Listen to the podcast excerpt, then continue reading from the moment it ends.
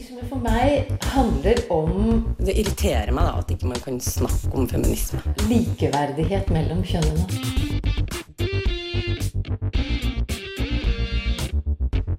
Det blikket på kvinnen på film. Det handlet om å bli tatt på alvor som jente.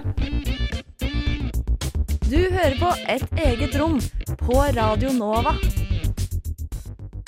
Hevnporno har de siste årene fått økt oppmerksomhet, og tallene viser at hele ni av ti av dem som er offer, er jenter og kvinner. Hva er egentlig dette her? Hvordan skjer det? Og hva skal man gjøre hvis man blir et offer for det?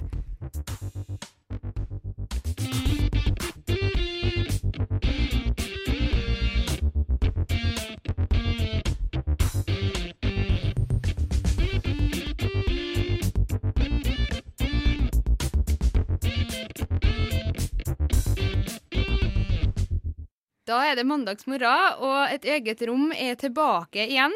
I dag så er det meg, Anne Marie Sunde, og Andrea Skeid som skal være med dere i den neste timen. Hallo. Hallo, hallo. Vi har jo aldri vært i studio sammen før, så det er jo litt morsomt, da. Ja, det blir bra. Ja, det tror jeg blir veldig bra. Um, det er jo hevnporno vi skal snakke om i dag, og det er jo en ting som er i nyhetene egentlig ganske ofte. Men Ja.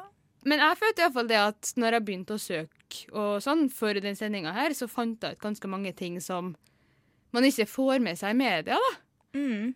Ja, absolutt. Eh, nå i det siste så føler jeg at det har blitt eh, mer oppmerksomhet rundt det, men tidligere så har det vært mer sånn bare enkelttilfeller man har hørt om, kanskje. Mens nå ser man hvor utbredt eh, det her faktisk er, da. Mm. At eh, det skjer over det langstrakte land Ja.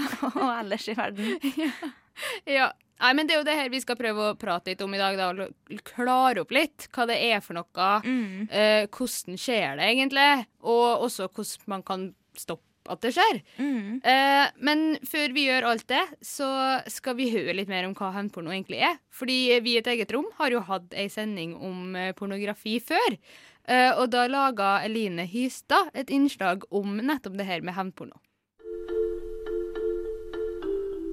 Du er i et forhold der alt er fint og bra, og du sender kanskje noen sånn litt frekke nakenbilder til kjæresten din, for eh, hvorfor skulle det skade? Dere slår opp etter en stund, og kjæresten, som du stolte på, er ikke lenger kjæresten som du stolte på. Kjæresten deler nemlig de private bildene du sendte, på internettsider, og de her de deles igjen videre av andre. Kanskje bruker kjæresten det til og med for å presse deg til å fortsette forholdet, eller gjøre andre ting som du helst ikke vil gjøre. På internett så er det et helt eget marked for den typen her porno. Hevnpornoen.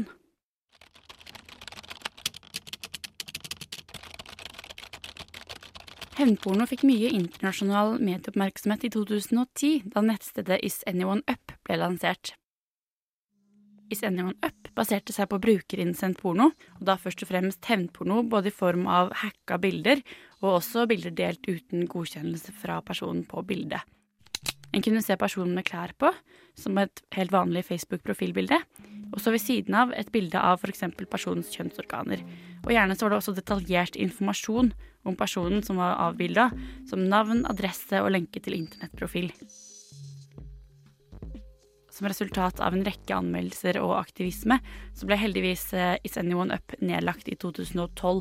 Og i 2014 så ble Hunter Moore, som sto bak siden, arrestert av FBI for bl.a. identitetstyveri og ulovlig bruk av beskytta filer.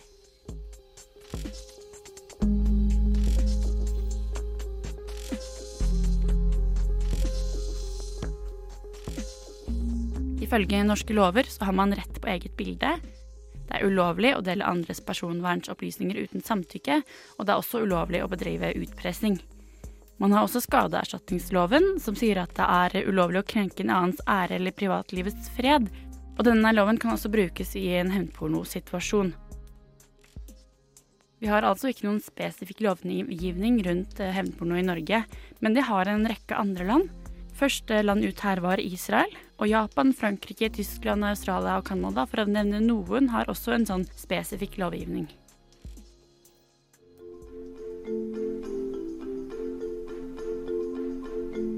Flere store medieaktører har også bidratt i kampen mot hevnporno. I I 2015 så gikk Reddit ut og sa at de vil forby posting av seksuelt innhold uten samtykke, og det samme har eh, Twitter gjort.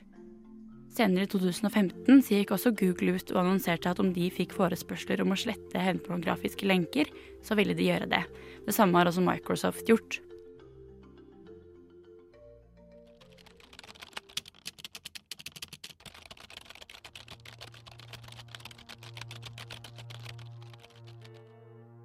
Hans Marius Tessem fra nettstedet slettmeg.no forklarer at eh, til tross for at det finnes en hovedregel om å ikke gi fra seg nakenbilder, så er det viktig å understreke at det er ikke de som har gitt fra seg nakenbildet som har gjort noe ulovlig. Det er den som deler det videre, som gjør noe galt. Og med et sånt fokus på at den som deler det videre, gjør noe galt, så kan man også bryte mange tabuer. For mange ofre for hevnporno skammer seg, og det er veldig viktig at de som skammer seg, forstår at det ikke er de som har gjort noe feil.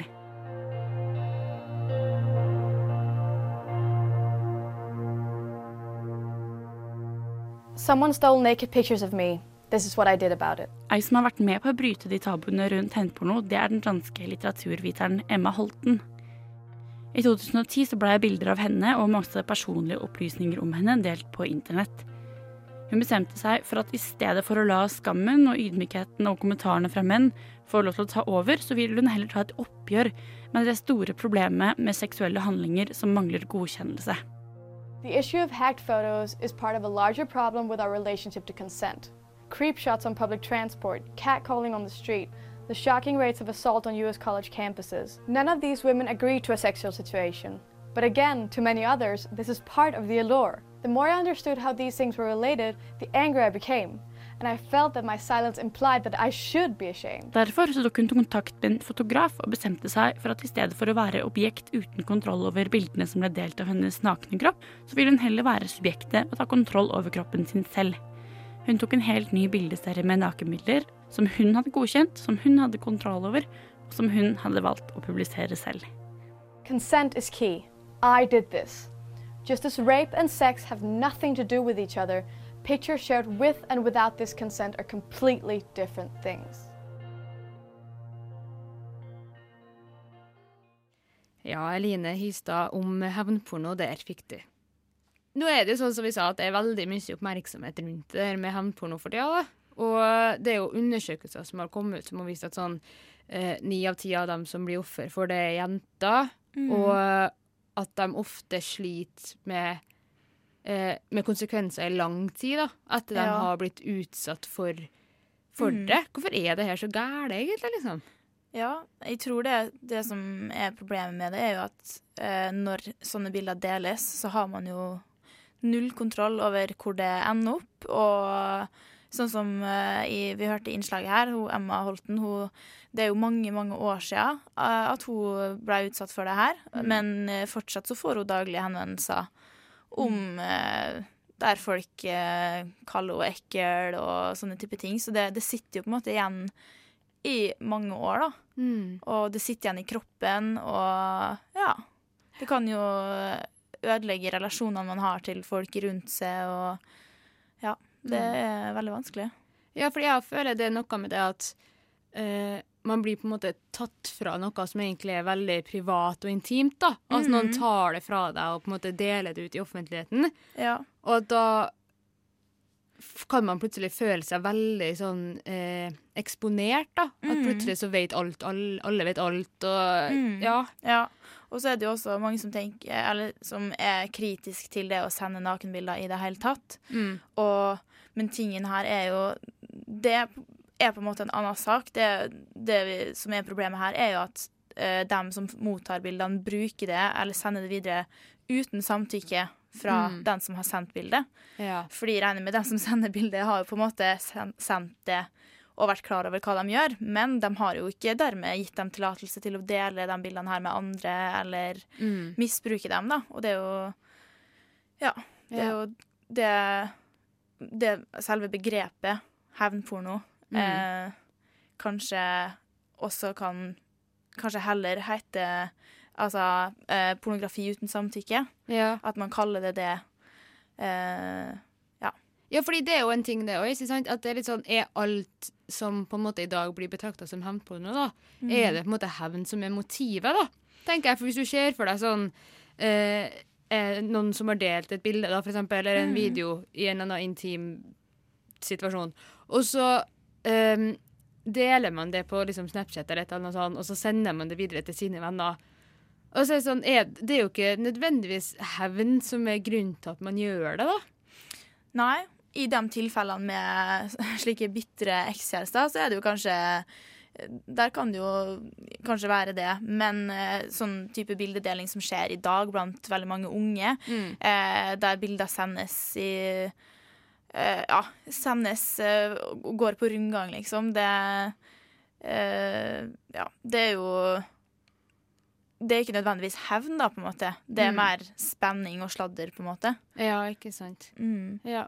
ja, men jeg tror det at det er litt sånn man må være forsiktig med eh, hva som er motivene. Fordi det er gode Mm. altså jeg tenker sånn, sånn som vi skal høre senere òg, så er det jo svære systemer bygd for hvordan man eh, skulle ikke si drive med hevnporno. Det høres jo veldig Mhm. fælt ut, da. Men sånn strukturer rundt det, da. Og jeg Ja. tenker da kommer jo litt det inn at da blir det jo nesten underholdning, da. Mm. Ja, at- folk eh, tjener jo på, på det her. Ja, ikke sant? Mm. Og eh, ja, folk eh, som driver på med det her, eh, de vil kanskje eh, ja, utpresse folk for penger. Mm. Eh, ja, si at jeg sitter på bildet Mm. med et bilde av det, og hvis ikke du gjør sånn og sånn, så kommer de til å sende det rundt og Ja. ja. ikke sant. Så man bruker det som pressmiddel, på en måte. Mm. Mm. Ja, jeg tror det er ganske vanlig. Eh, Nei, vi skal innom flere av de temaene her igjen, men eh, først så skal du få litt musikk. Nå får du Kaius med 'Closer'.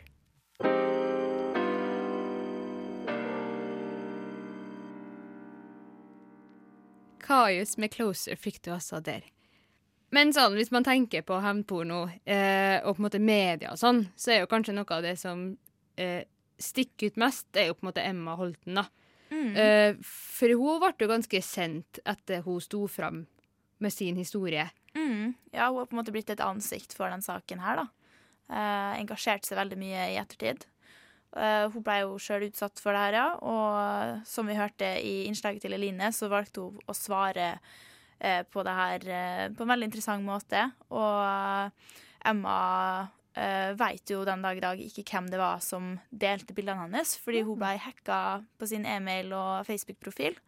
Så noen tok da de bildene som hun tidligere hadde sendt til en kjæreste. Eh, så det er jo ikke I dette tilfellet var det jo ikke eks, en bitter ekskjæreste som Ja. har ødelagt for henne, men hun veit på en måte ikke hvem det er. Så det er jo egentlig litt interessant i hennes tilfelle, da. Mm, kjempeinteressant. Men uh, Synnøve Berg Singseth Oi, der gikk det litt fort. Synnøve Berg Singseth har vært og tatt en prat med Emma Holten for å høre litt om hennes tanker rundt hevnporno. Den känsla som liksom var viktigast och störst för mig var den här känslan av att tappa kontrollen över min egen identitet. Att jag kände att alla andra än mig bestämde vad jag skulle betyda och vad mitt liv skulle handla om och alla hade alla möjliga idéer om vem jag var och vad jag representerade och tog liksom kontrollen över mitt liv på ett sätt som kändes så mycket större än jag själv. Det du hørte der, var Emma Holten, som i 2014 sto fram og fortalte at hun hadde blitt utsatt for hevnporno. Nakenbildene av Emma, som hun opprinnelig hadde sendt til sin daværende kjæreste, var spredt på nettet. Mailen hennes var hacka, Facebooken hennes var hacka, og bildene ble publisert og sendt sammen med informasjon om hvor hun bodde, hva hun studerte og hvem foreldrene hennes var. Det var helt utenfor min forståelse hva det vil si å være en marginalisert person Og hva det vil si å være en fornedret person. Siden 2014 har Emma heva stemmen og blitt en viktig samfunnsdebattant. Og selv om hun fortsatt uh, omtales som hun som ble utsatt for hevnporno, så trives hun sjøl best i rollen som ekspert og debattant. For det er litt det hun har blitt. Men det er jo ingen tvil om at det å være offer for hevnporno ødelegger livet på så mange måter. Og jeg var veldig nysgjerrig på hva er det som er motivasjonen bak? Hva ønsker man å oppnå? Alltså det finns ju olika folk som deltar av olika skäl. Det finns ju det som jag skulle kalla hämndporr som är när offret och kränkaren känner varandra personligt. Att någon gör det för att de är arga över någon som har gjort slut med dem eller de är arga på en kompis eller de har whatever. Um, men jag tror det som är väldigt mycket svårare att prata om, som är mycket mer utbrett, det är, det, det är folk som gör det för att ha det gøy liksom. För att de tycker det är roligt. De förutmjukar och förnedrar andra människor för underhållning.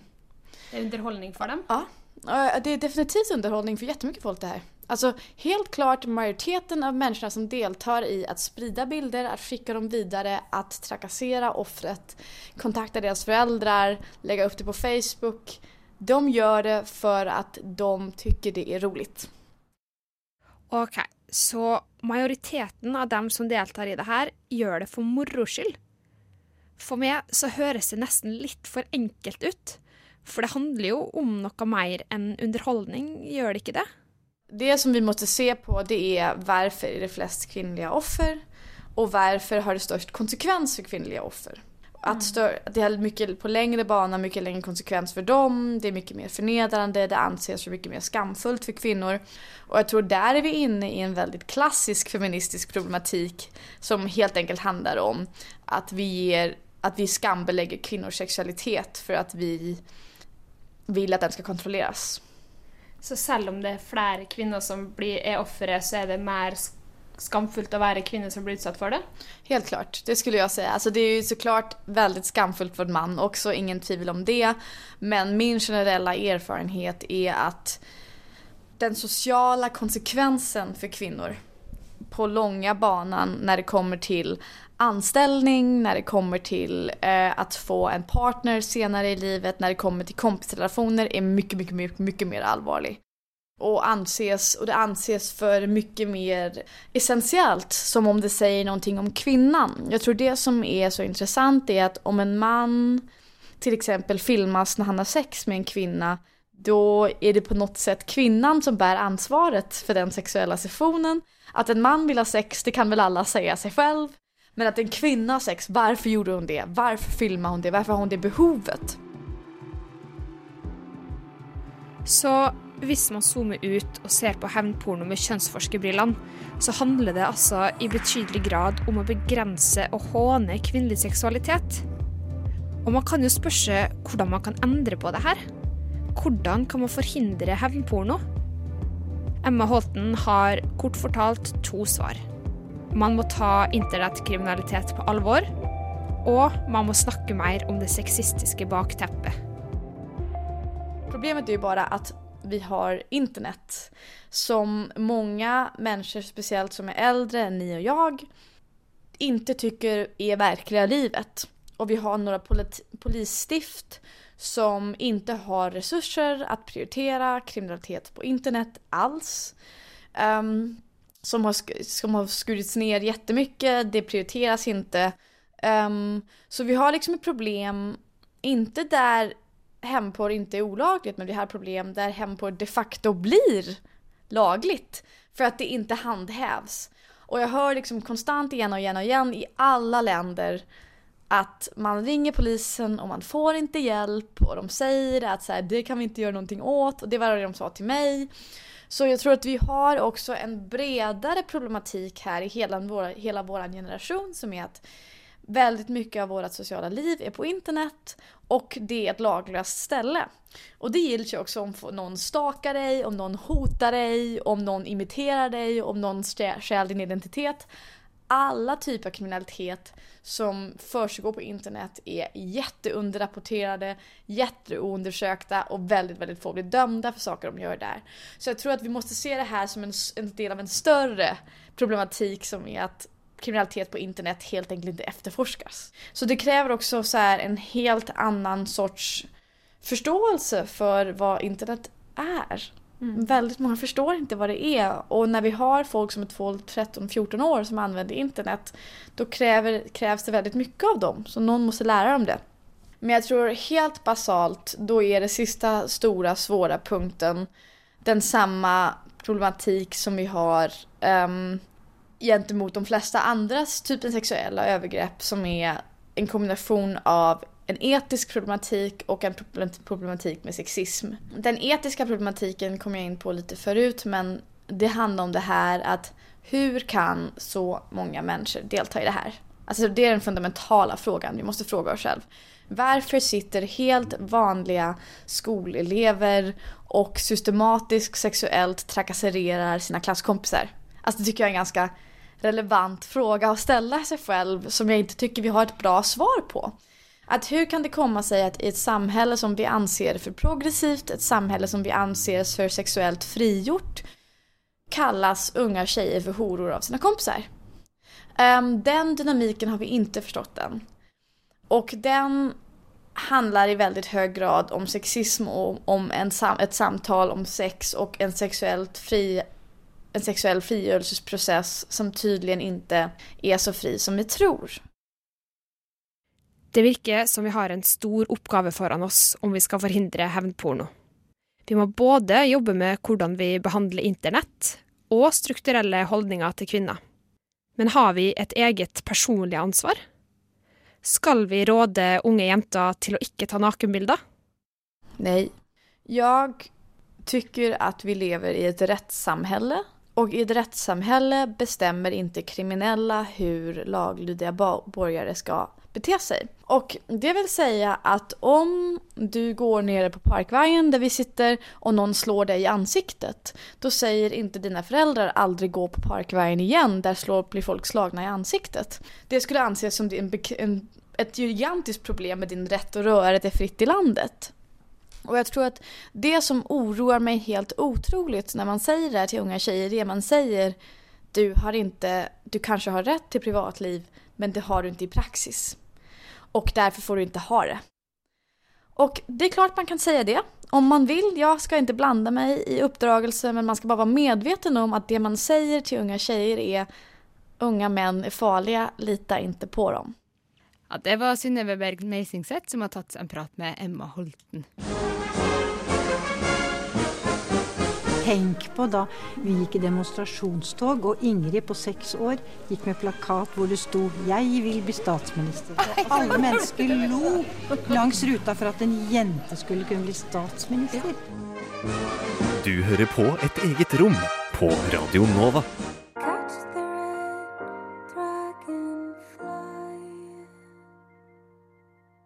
Ja, det var sa Hanne Bjerkan med Red Dragonflies.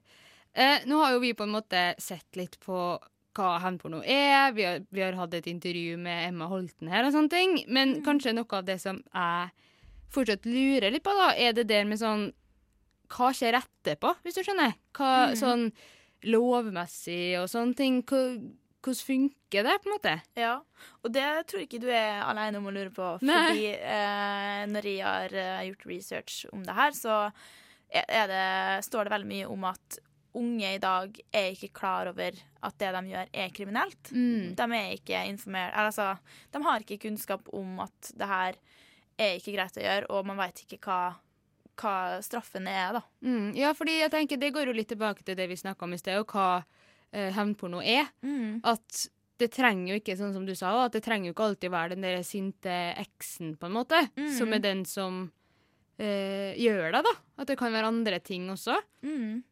Ja. Og ja, for eksempel at man Hvis man blir filma uten at man veit det, mm. så er jo det også Det jo, går jo under hevnporno, selv om du på en måte ikke har tatt bildet sjøl og sendt det. Mm. Men uh, det er jo definitivt eh, en krenkelse. Ja, ikke sant. Ja. Nei, for jeg tenker Det som er litt interessant, da, som uh, også ble nevnt i Eline sitt innslag, er jo det at per dags dato så har jo ikke Norge en lov mm. som går spesifikt på det med hevnporno. Vi har jo lover som går på det at man um, ikke skal ha lov til å uh, dele bilder uten folk sitt samtykke. Og vi har lover som går på det at man har ikke lov til å krenke andre personer. Mm. Og vi har lover som går på eh, sånn åndsverksloven med på en måte sånn der, hva som kan skade mennesker og sånn. Mm. Men vi har ingen lov som går på eh, hevnpornografi, da. Men det Nei. er det jo noen del land som har. Mm. Ja, og for det om vi har eh, sett at vi får en slik lov, så er det jo også eh, Spørs det jo da om Kommer det til å være en preventiv eh, faktor? Mm. Eh, eller kommer det ikke til å være et stort hinder for å fortsette med det her?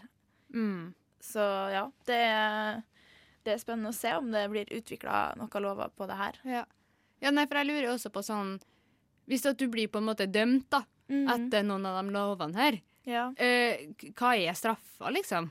Uh, ja, jeg fant et eksempel der eh, det var en uh, på 18 år Mm. som har blitt anonym i den artikkelen jeg leste, Ja.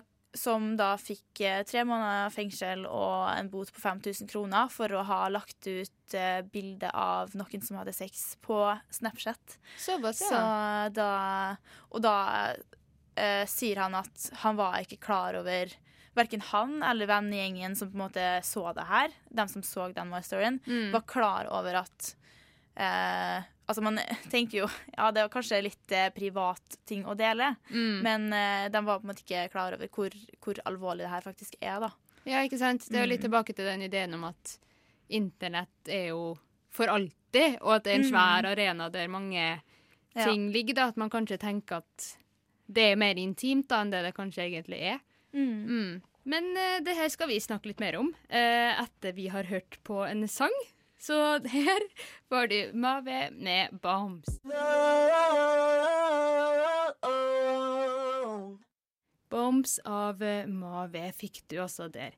Eh, vi var jo litt inne på det før eh, sangen her nå, liksom det med lover og regler og sånn. Mm. Eh, men jeg tenker jo også litt det der at det skal mer til da, kanskje, enn bare Ja. de lovene for å gjøre at ting endrer seg. Ja, absolutt. Og det at vi har lover som står eh, svart på hvitt eh, Altså, vi må jo også bruke lovene, da, og at folk faktisk blir dømt og, og får en straff for det Mm. de har gjort. Eh, det er ikke nødvendigvis sånn at fordi vi har en lov, så, så blir alle som skulle vært tatt, tatt. Mm. Ja. Så ja. Ja, nei, det er veldig interessant. Ja, men OK, for jeg tenker jo også det der at eh, Du snakka jo steg om at det, der at det er ikke alle som helt skjønner da, at det de gjør, er ulovlig. Så jeg tror òg kanskje det kan være sånn supernødvendig å ha litt sånn eh, holdningskampanjer, eller på en mm. måte kunnskapsheving, da. Bare for å Ja. få folk til å forstå hva det egentlig er de driver med, da. Ja. ja. Jeg husker det var, det var jo den scenen fra Skam, Ja. der eh, Nora konfronterer Nikolai, som har tatt nakenbilde av henne.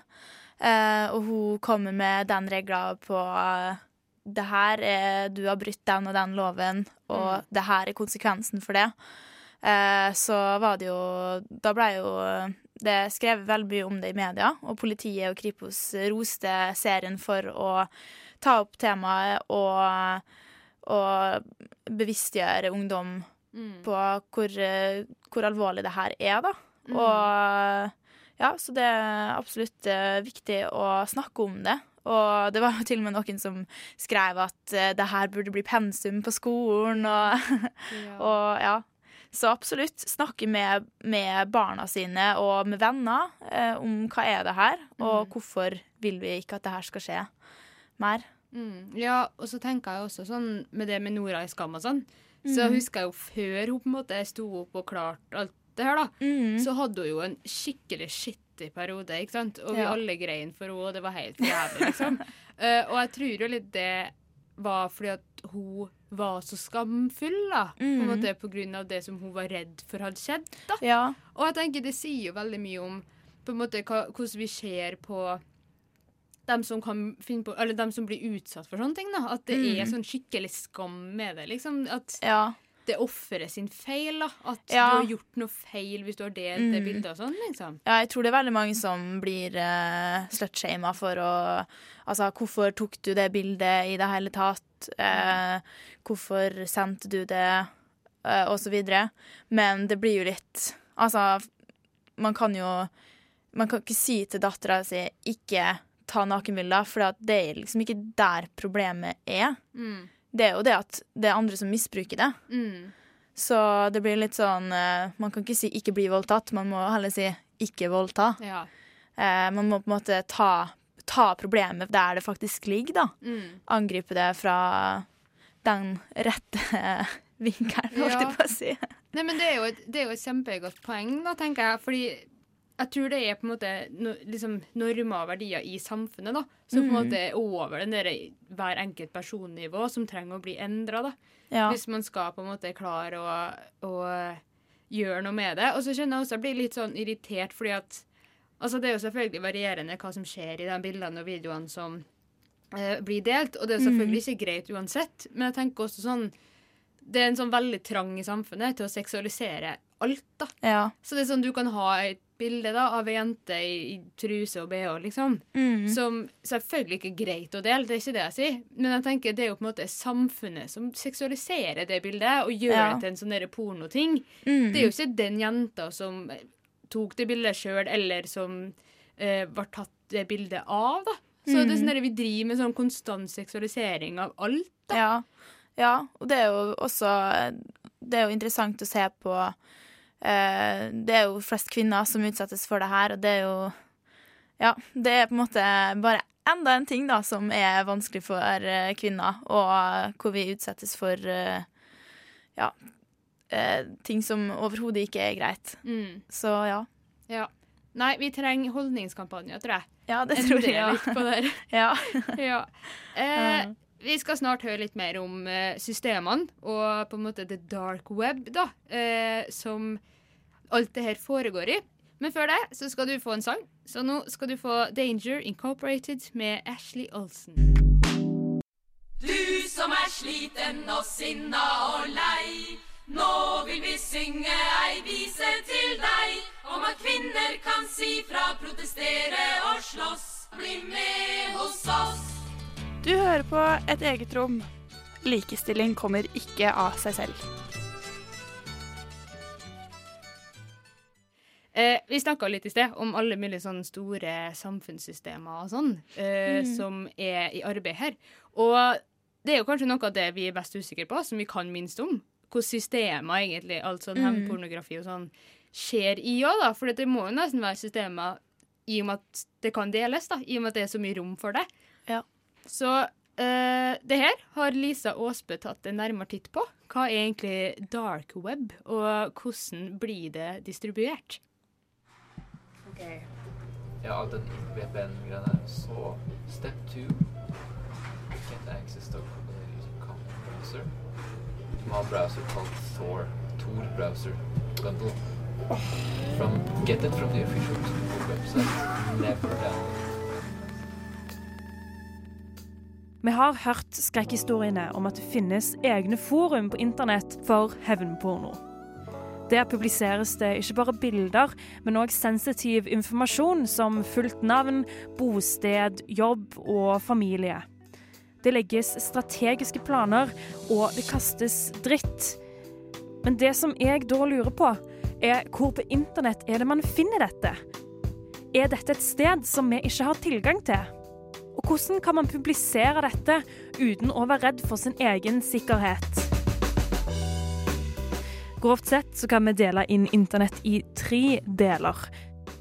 Først og fremst så har man det klare nettet, eller overflaten, som inkluderer ja, alt det som vi kan google oss fram til. Det er her vi sjekker Facebook, leser mail og henger sånn vanligvis. Under overflaten så har man det dype nettet. Her kan vi finne alt som du må logge deg inn for å se. F.eks. Eh, pasientjournaler, datasystemene man bruker internt i ulike organisasjoner. Så du kan ikke google deg fram til opplysningene som ligger i det dype nettet. Nå beveger vi oss lenger og lenger ned isfjellet. Helt på bunnen av fjellet, på havbunnen hvor lyset ikke slipper til, her ligger the dark web. Den mørkeste delen av internett, og den best skjulte for omverdenen. The dark web er et eh, sted på internett, hvis jeg kan holde det det. Ligger på internett, men man må bruke spesielle teknikker for å koble seg til. eh, Hvor man normalt ikke ser hva som foregår inni der. Er litt på Man kan tenke at det er en sort boble på en måte som ingen klarer å se inn i. Den enkleste måten å koble seg til eh, nettverket på, det er å laste ned noe som kalles the Tor browser, hvis man skal koble seg til Tor-nettverket. Og det finner man på Tor sin nettside. Så dette er noe som er åpent for alle, og som alle kan ta i bruk. Dette sier Ted Tøråsen, senioringeniør i Datatilsynet, som tok seg tid til å svare litt på de mange spørsmålene jeg hadde om the dark web. Han forteller at denne delen av internett ble etablert av amerikanske myndigheter for å beskytte agentene sine som var på internasjonale oppdrag. Ved å opprette et nettverk som skjuler datatrafikken, fikk agentene muligheten til å kommunisere tilbake til USA på en mye sikrere måte. Men i dag så er det ikke bare agenter som bruker the dark web. Noe av funksjonaliteten som ofte blir promotert, er jo at folk i land hvor det er ganske strenge regimer får for kommunikasjonskontroll og sånn, de kan da bruke dette for å kommunisere med omverdenen. Så Hvis man tenker seg Kina, Nord-Korea og Tyrkia når det var store problemer der, så brukte man denne type tjeneste for å faktisk ha en mulighet til å kommunisere med omverdenen og være skjult for myndighetene. For er det ulovlig å liksom koble seg på? Nei. Hva man bruker, eller hva man gjør inni der ved å være regulert av samme lovgivning som ellers. Det som er verdt å få med seg, er jo at det er et legitimt verktøy. Det er ikke et ulovlig verktøy å bruke. Og det har eh, to sider. Det har jo da den siden hvor dissidenter og de som har et behov for å skjule seg for eh, myndigheter eller skjule seg av andre legitime årsaker. Og så har du selvsagt de som bruker det til ulovlig bruk for å skjule identiteten sin. Men selv om man kan bruke det for å skjule identiteten sin, så er man ikke 100% garantert anonymitet når man entrer og bruker the dark web. Det har skjedd at myndigheter har klart å finne ut hvem som står bak nettsider som har drevet med ulovlig virksomhet. F.eks. de som har spredd nakenbilder av andre uten samtykke. Det er liten tvil om at uh, det blir en litt sånn uh, lekekasse for de som uh, har uheldige hensikter, fordi de føler at de kan ta seg til rette når de er anonyme. Dette er faktisk et verktøy for dissidenter, og at norske mediehus bruker det til varslingstjenester. Så det er ikke bare disse menneskene som driver med hemporno som, som faktisk tar det i bruk. Men dessverre så har vi de òg.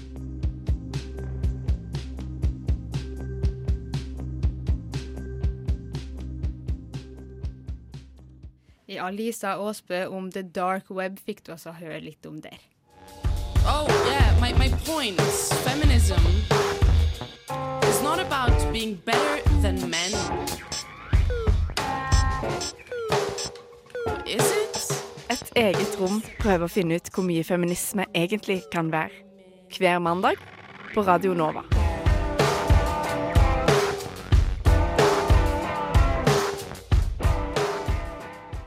Ja. Eh, nå har vi også fått lært litt om systemene da, som er underliggende her. Men kanskje det jeg sitter og lurer mest på nå, da, eh, er hva gjør man da? Hvis man blir utsatt for det her, på en måte. Hvordan, hvordan takler man det? på en måte? Hva, hva skjer da, liksom? Ja. Ja, herlighet. Det, det er jo en enorm påkjenning. Og jeg tenker at eh, det er veldig viktig å rett og slett anmelde forholdet. Mm. eh, snakke med noen og på en måte eh, på, minne seg sjøl på at eh, det, det er ikke du som har gjort noe feil, det er noen Mm. andre som har vært kjip mot det, og at man på en måte prøver å eh, holde, holde på eh, at man klarer å være seg sjøl, da. Mm. Ja. Nei, jeg tror det. At, uh, i fall det siste, at det er et veldig godt poeng. At man må på en måte prøve å huske at det er ikke du som har gjort noe feil. Mm. Uh, men det er jo også sånn uh, forskjellige samfunnsinstitusjoner, som det så fint heter, som har Mhm. gått ut med uh, tips da, til hva mm. man skal gjøre og sånn. Og de begynner jo som regel med sånn nummer én ta kontakt med den personen som har lagt ut noe, hvis du vet hvem det er, Ja. og be liksom vedkommende om å fjerne det. Mm. Og så er det sånn, Hvis det ikke funker, så går det an til å ta kontakt med eh, nettstedet. Det er Ja. jo mye vanskeligere da, i dagens verden, skal du si, der det meste er liksom Snapchat og sånt. på en måte, Ja. Fordi, altså Jeg leste en plass om at alle bilder på Snapchat lagres en plass, liksom, og det Ja. gjør meg kjemperedd. Men eh, ja, eh, så jeg føler det er litt verre da å liksom kontakte Snapchat for å få dem til å slette det bildet. Men iallfall hvis det er på et nettsted, da, så Mm. kan man gjøre det. Ja. Eh, og så hvis ikke det går, så må man jo da ta kontakt med Datatilsynet, f.eks. Kan være lurt. Mm. Eh, fordi de har på en måte autoritet til å gå inn og fjerne ting Ja. eh, fra nett. Men selvfølgelig også sånn som du sier, altså du må, man må jo tørre å anmelde. Mm. Og liksom, Ja. Iallfall hvis man tror at det her er noe som er gjort med vilje, eh, og noe som har blitt gjort mot seg sjøl, da, så må man jo iallfall forhåpentligvis tørre å anmelde det. Ja, ja, uansett. Og, og, og jeg tror også at det er veldig viktig å, å dokumentere hva det er som har skjedd. en måte, eller altså Mm. At man har At man eh, viser til når og hvor det her ble publisert. Har man navn? Mm. Eh, ja. Ja, for det er jo også det som eh, På den lista til Kripos, da, som var i hva det var, Dagbladet eller noe sånt, tror jeg, så eh, er jo noe av det de stresser mest, er jo liksom at du skal ta sånne screenshots av det mm. som eh, skjer, da. Og at du på en Mhm. måte skal i den screenshoten prøve å få med brukernavn hvis det er en plass der du har brukernavn. Ja. Eh, og at du prø skal prøve å få med på en måte dato, hvis det går an i liksom Mhm. toppen av skjermen din. At det er derfor det er så praktisk å ta en screenshot, da. Ja. Eller skjermdump, som det heter på norsk. Mm. For at da har du på en måte beviset, da. Ja. ja, og jeg tror det er veldig viktig, for at eh, et problem i, i sånne saker som det her, da, er jo at politiet eh, kan på en måte ikke gjøre så veldig mye med det fordi man mangler bevis. Mm. Og da blir det litt eh, vanskelig å finne ut av det, på en måte, og da kanskje saken ikke kan løses. Man Mm. får ikke, man får ikke eh, straffa dem som har gjort det her, da. Mm, ikke sant. Jeg kan se for meg iallfall hvis det er liksom et bilde som blir delt og distribuert rundt omkring, og sånne ting, så er det jo ikke alltid sikkert så lett å finne ut hvem som har delt, og hvem som Ja. har mottatt, og sånn. da. Plutselig Mm. bare har alle bilder, på en måte. Ja, og så er det jo også litt spennende å tenke altså er det, jo, det er jo den som sender bildet, som gjør noe galt, men det å ha bildet òg er jo da, har man jo et ansvar, et Mm. enormt ansvar for å ikke sende det videre. Og når man skal straffe for det her, så er det jo da Altså skal man da eh, straffe med fengsel for den som har sendt det, eller for alle de 200 som har lasta det ned bildet, og er altså fengselsstraffe, det er liksom det Jeg tror ikke det kommer til å løse alle problemene, på en måte. Mm. Man må jo snakke om hva er det som ligger bak, Mm. rett og slett. Ja. Og motivasjon, ja. Ja. Jeg tror liksom største tipset, da, eller største trikset for å få det til stopp, er jo bare å få folk til å forstå at du skal ikke dele, liksom. Mm. Sånn om det så blir delt til deg, liksom, så stopp det der, da. Og jeg Ja. føler kanskje det er det felles ansvaret som vi alle har. Bare sånn, ikke Mm. del. Bare si fra den, til den personen i bildet hvis du vet hvem det er, og så Mm. bare stopp det der, da. Ikke la det gå forbi deg og videre til enda flere folk, Mm. liksom. Ja. Mm. ja. Og så er det jo en nettside som heter slettmeg.no, Ja. og der eh, er det jo Jeg tror det er over 8000 henvendelser der eh, hvert år. Mm. Og, og mye av eh, henvendelsene handler jo da om eh, at det er bilder eller videoer som ligger ute på nettet, og 70% av det her handler også om nakenhet. Mm. Så det er jo tydelig at det er mange som, eh, som eh, er opptatt av at jeg vil ikke at dette skal ligge ute meg Hjelp meg med å få det fjerna. Ja, det var et høyt tall, altså. 70 Ja. Herrefred, det er mange. Mm. Mm. Nei, men altså, øh, for å oppsummere, ikke del ting, liksom. Mm. Bruk eh, de ressursene du har rundt deg, og for guds skyld, ikke del ting. Eh, vi begynner jo nå å bli på tampen av, eh, av sendinga vår. Mm. Så før vi fortsetter, så skal du før, høre litt musikk. Så nå blir det svenske Adriana med brr, brr. Svenske Adriana med brr, brr fikk du også der. Morsomt navn, det. Ja. Sånn. Litt sånn som temperaturen ute om dagen. Uff, ja. Ikke minn meg på det engang. Uff, herregud. Nei, men vi begynner jo nå å virkelig nærme oss eh, slutten. Veldig interessant tema det her, da. Ja, absolutt. Det er veldig kult. Jeg føler alle burde være bevisst på det. For jeg tror det er en Mhm. sånn ting som skjer det med, da, så er det veldig ødeleggende. Så for guds skyld, eh, ikke del ting. Vær Ja. åpen. Jobb med de holdningene i samfunnet som sier at alt er den personen som tok bildet, sin feil. For det trengs jo alltid å være det. Ja, og anbefale folk å se litt på det som ligger ute, kanskje av Emma Holten. Hun, Mm. eh, Det er veldig spennende, den dokumentaren som hun har laga. Mm, kjempeinteressant. Alle kan jo ikke være Emma Holten hvis man havner i en sånn situasjon som det her. Nei. Men eh, ja, absolutt eh, snakk om det her, og prøve å jobbe mot at dette skjer. Ja. Det var vel egentlig det vi rekker i dag. Eh, I studio i dag så har det vært Anne Marie Sunde og Andrea Skeid. Og du må gjerne sjekke oss på sosiale medier. Hør de andre sendingene vi har hatt. De er tilgjengelige på Soundcloud. Yes. yes. Da får dere ha en god mandag videre. Ha det. Ha det bra.